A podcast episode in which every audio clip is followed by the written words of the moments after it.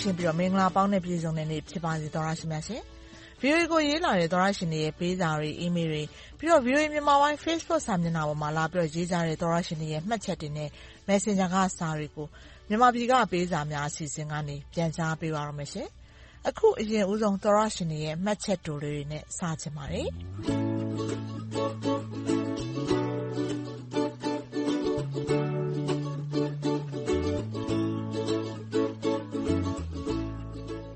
ကျော်နိုင်ဆိုတဲ့သောတရှင်ရဲ့စာကိုအရင်ဦးဆုံးဖော်ပြပေးချင်ပါတယ်။မင်္ဂလာပါ။ VOA ကိုစာတခါမှမပို့ဘူးလို့ Messenger ကနေပို့ပေးကြည့်တာရောက်ပါလား။မရောက်ဘူးလား။အကြောင်းပြန်ပါ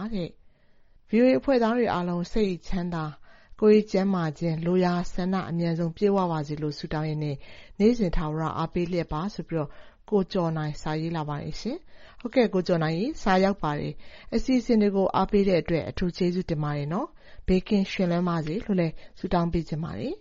။ရွှေညောင်သားလေးဆိုတဲ့ရင်းနေကြသောတရှင်ဒီတခါလည်းစာရေးပြန်လာပါတယ်။အားပေးနေကြပါတဲ့။ဟုတ်ကဲ့သိပါတယ်။ဒီသောတရှင်က VOA ရေကျွန်တော်ကအားပေးနေကြပါ။ရေဒီယိုခေတ်ကလေးကဆိုပါတော့ကျွန်တော်အခုထိမှတ်မိနေပါသေးတယ်။2004ခုနှစ်ထဲက ရွှေပြောင်းလုပ်သားဘဝနဲ့ ထိုင်းကိုရောက်ပါတယ်။ကျွန်တော် အလုပ်စလုပ်တဲ့အိမ်က ထိုင်းရဲမှုအိမ်မှာပါ။နွားကျောင်းသားအလုပ်ပါ။တင်းရဲ့ရဲမှုကကျွန်တော်ကို ရေဒီယိုတစ်လုံး ဝယ်ပေးပါတယ်။မြန်မာလိုင်းဆိုတော့ VOA တစ်လိုင်းပဲ ရတယ်လေ။အဲဒီကတည်းကကျွန်တော် သဘောလည်းကျ ဗဟုသုတလည်းရတဲ့ VOA ကို နားထောင်ဖြစ်လာတာပါ။အခု ကျွန်တော် အသက် ရှိပါပြီ။နေဝင်းအာဏာသိမ်းတဲ့ ၁၉၆၂ ခု ဖွားပါ။နောက်ပြီး ၁၉၈၈ခု သန်းရွှေ အာဏာသိမ်းတော့လည်း ညဘက် VOA နားထောင်ရင် ခိုးပြီးတော့ တိတ်တိတ်လေး နားထောင်ခဲ့ရပါတယ်။အခု မြန်မာပြည်မှာ သန်းရွှေထက်သာတဲ့ မင်းအောင်လှိုင်ခေတ် ရောက်ပြန်ပြီ VOA ရေ။ဟုတ်ကဲ့ပါ။၁၉၆၂ ခုနှစ်မှာ မွေးဖွားတဲ့ သောတရှင် ၁၉၈၈ အာဏာသိမ်းကာလကောနားထောင်ခဲ့ပြီး အခု နောက်တခါ အာဏာသိမ်းတဲ့ခေတ်မှာပါ ရေဒီယိုလေး နားထောင်ရပြန်ပါပြီဆိုပြီး စာရေးပြောလာတာ ဖြစ်ပါတယ်။ မင်္ဂလာပါ VOA ရေ။ကျွန်တော်ကတော့ ချင်းပြည်နယ် ပလက်ဝက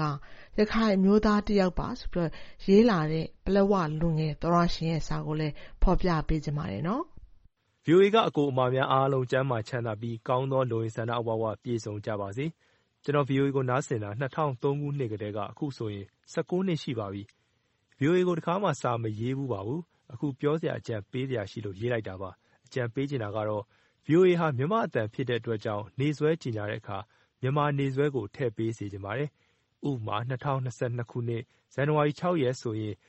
၁၃၈၃ ခု ပြာသိုလဆန်း ၅ ရက် အဲဒီလိုပုံစံမျိုး ထည့်ပေးစေချင်ပါတယ်။အရင်တုန်းက ကြေညာတဲ့ မအေးသန္တာကျော်ရဲ့ စကားပြောကြရအောင် လူငယ်ကဏ္ဍကို ကြိုက်ပါတယ်။အခုတော့ အဲဒီအစီအစဉ် မလွှင့်တာ ကြာပါပြီ။နောက်ပြီးတော့ မညိုညိုလွင်ရဲ့ မတူတာလေးတွေကိုလည်း သဘောကျပါတယ်။အရင်တုန်းက လွှင့်ပါတယ်။အခုတော့ မလွှင့်တော့ပါဘူး။ နောက် ဦးအောင်ခင်နဲ့ ဦးကျော်စံသာတို့ရဲ့ ဆွေးနွေးခန်းတွေကို တအားကြိုက်ပါတယ်။နောက်ပြီးတော့ တခုပြောချင်တာကတော့ အရင်တုန်းကဆိုရင် အမေရိကန်အစိုးရအာဘော်ကို ကြေညာတဲ့အခါ ကြေညာပြီးရင် အခုကြားသိရတာကတော့ အမေရိကန်အစိုးရအာဘော်ဖြစ်ပြီး VOA ရဲ့ အာဘော်မဟုတ်ကြောင်း သိစေအပ်တယ်ဆိုပြီးပြောပါတယ်။အဲဒီလိုမျိုး ပြန်ပြောစေချင်ပါတယ်။နောက် ခါတိုင်းဆိုရင် တနင်္ဂနွေနေ့ ည နာရီမှာ မြန်မာပြည်က ပေးစာများအစီအစဉ် ပြီးပြီးချင်း သီချင်းတပုဒ် လွှင့်ပေးပါတယ်။အခု အဲဒီသီချင်းလည်း မကြားရတာ ကြာပါပြီ။ အဲဒါကြောင့် ဒီတပတ် သီချင်းတပုဒ် လွှင့်ပေးစေလိုပါတယ်။မြန်မာပြည်သူပြည်သားအားလုံးအတွက် ထူးအိမ်သင်ရဲ့ ကြယ်တွေစုံတဲ့ညကို လွှင့်ပေးစေလိုပါတယ်။ VOA က အကိုအမတွေအားလုံး နေကောင်းကျန်းမာကြပါစေ။ဟုတ်ကဲ့ပါ။ဒီပလက်ဝက လူငယ်သောတရှင် အခုလိုမျိုးစာ ပြည့်ပြည့်စုံစုံရေးပြီးအကြံပြုလာတဲ့အတွက် ကျေးဇူးတင်ပါတယ်။အစီအစဉ်တွေကို စုံစုံလင်လင် နားဆင်ပြီးသေချာအကြံပြုစာ ရေးပြောလာတာ သူ့ရဲ့စာကို ဖတ်ကြည့်တာနဲ့ သိသာပါတယ်။ ရက်စွဲကိစ္စ။ဒီရက်စွဲကတော့ဒီသောတရှင်ပြောတာသဘောပေါက်ပါတယ်။မြန်မာရက်စွဲ၊အင်္ဂလိပ်ရက်စွဲနှစ်မျိုးကြေညာပေးတာ။နောက်ပိုင်းတော့အခါကြီးရက်ကြီးတွေကလွဲလို့ပြောကြတာသိပ်မကြားပါဘူး။ဒါကလဲကျမတို့အစီအစဉ်တင်ဆက်သူတဦးတယောက်ချင်းစီရဲ့ပြောတတ်တဲ့၊ရေးတတ်တဲ့ပုံနဲ့ဆိုင်ပါတယ်။နောက်ပြီးတော့သတင်းတွေကိုမြန်မြန်ပြောပြဖို့ရှိနေတော့နှုတ်ခွန်းဆက်အပိုင်းကိုအရှည်ကြီးမပြောတော့တာလည်းပါပါမယ်။ဒါပေမဲ့ပြောလိုက်ပါမယ်။ အမေရိကန်အစိုးရအာဘော်ကတော့ အဲဒီအာဘော်ပြောပြီးပြီးချင်းနောက်မှာပဲ ဒါ အမေရိကန်အစိုးရရဲ့ အာဘော်ပဲဆိုတာကို ပြောပါတယ်။အရင်တုန်းက ပြောသလို အခုလည်း ပြောနေဆဲပါ။သတိထားပြီး နားထောင်ကြည့်ပါ။ပြီးတော့ ဒီ သောရရှင် တောင်းလာတဲ့တခြင်း ကျမဒီတောင်းတဲ့ တခြားသူတွေကိုလည်း ပြောပြဖို့ပါတယ်ရှင်ကျမတို့ အစီအစဉ် ထုတ်လွှင့်တဲ့နေရာမှာ အစီအစဉ်တစ်တွေလည်း တင်ဆက်ပေးနေပြီးတော့ အချိန်ကလည်းကျက်သွားလို့တခြင်းလေးတွေ လွှင့်ပေးတာရက်ထားရတာ ဖြစ်ပါတယ် ဒါကြောင့်မှတခြင်းတစ်ပုတ်ဆိုရင် သတင်းတစ်ပုတ်နီးပါအချိန်ယူပါလေ အဲကြောင့်မလို့ အဲ့နေရာမှာ သတင်းတွေကတုတ အစီအစဉ် တင်ဆက်ပေးနေပါတယ် နားထောင်ကြည့်ပါဦးရှင်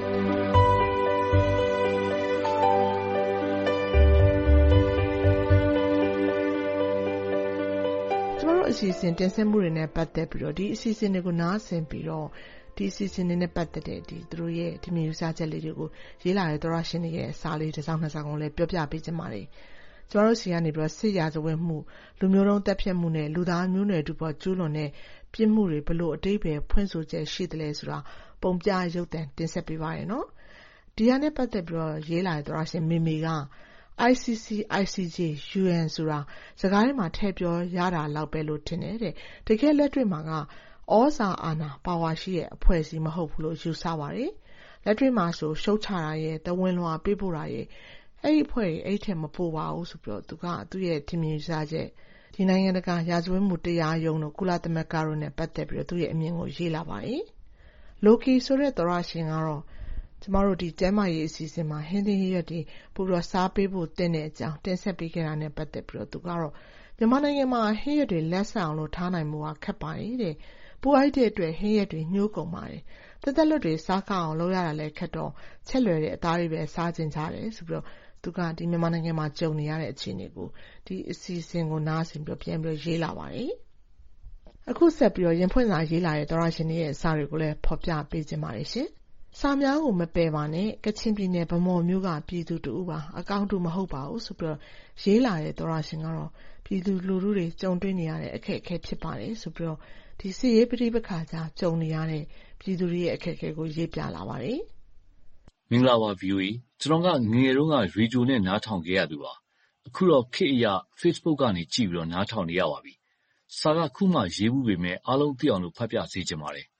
အခုကြုံနေရတဲ့ တနိုင်ငံလုံး အခက်အခဲတွေကြားထဲမှာ ပြည်သူတွေ ပိုပြီးတော့ခက်ခဲလာကြတဲ့ အကြောင်းရင်းပါ။အခုကြုံနေရတဲ့ အောက်ခြေလူတန်းစားတွေရဲ့ စားဝတ်နေရေးအတွက် စိတ်မကောင်းဖြစ်မိလို့ပါ။ကိုယ်တိုင် အလုပ်လက်မဲ့ ဖြစ်နေသူမို့ အားလုံးကိုလည်း ကိုယ်ချင်းစာပါတယ်။စစ်တပ်နဲ့ NUG တို့ပြောတဲ့ ပြည်သူလူထုဆိုတာ ဘယ်သူ့ကို ပြောတာလဲလို့လည်း သိချင်မိပါတယ်။ကျနော်တို့ကို အနာဂတ်ပျောက်အောင် လုပ်ခဲ့တဲ့အတွက် စစ်သားမြင်တိုင်း မုန်းပါတယ်။အခုလို ကျပ်တည်းတဲ့အချိန် PDF ကပါ ခြိမ်းခြောက်သံတွေ ကြားလာတော့ PDF တွေကိုပါ စိတ်မနာပါရစေနဲ့လို့ ပြောပါရစေ ကျနော်တို့ စားဖို့ ရုန်းကန်နေရတာ။တခါတလေ ကျန်းမာရေးပါ ဖောက်လာချိန် ဆေးဖို့တောင် မရှိပါဘူး။”အများပြည်သူ စားဝတ်နေရေး ခက်ခဲတဲ့ အခြေအနေကို ရင်ဖွင့်ရေးသားလာတဲ့ သောတရှင် ဖြစ်ပါတယ်ရှင်။ VOA ကို ရေးလာတဲ့ သောတရှင်တွေရဲ့ စာတွေကို ဒီတပတ်တော့ ဒီမှာတင် ရပ်ချင်ပါတယ်။အားလုံးအတွက် ပိုမိုကောင်းမွန် အဆင်ပြေတဲ့ သီတင်းပတ်တပတ် စနိုင်ပါစေလို့ ဆန္ဒပြုပါတယ်ရှင်။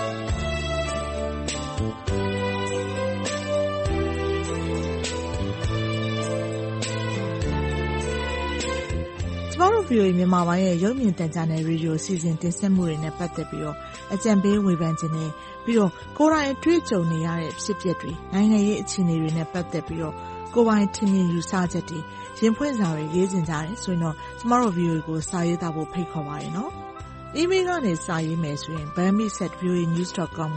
မြန်မာပြည်မှပေးစာများ အစီအစဉ်ဆိုပြီးတော့ရေးသားပေးပို့နိုင်ပါတယ်။ Facebook အသုံးပြုတဲ့သူတွေအနေနဲ့လည်း VOA Burmese News ဆိုတဲ့ VOA မြန်မာပိုင်းရဲ့ Facebook စာမျက်နှာကိုသွားပြီးတော့မှတ်ချက်တွေလာပြီးတော့ရေးနိုင်တယ်လို့ VOA မြန်မာပိုင်း Facebook Messenger ကနေပြီးတော့လည်းစာရေးပို့လို့ရပါတယ်။သောရရှင်တွေစီကတုံ့ပြန်အကြံပြုလာမှာတွေကိုစောင့်မျှော်ကြိုးစားနေပါတယ်ရှင်။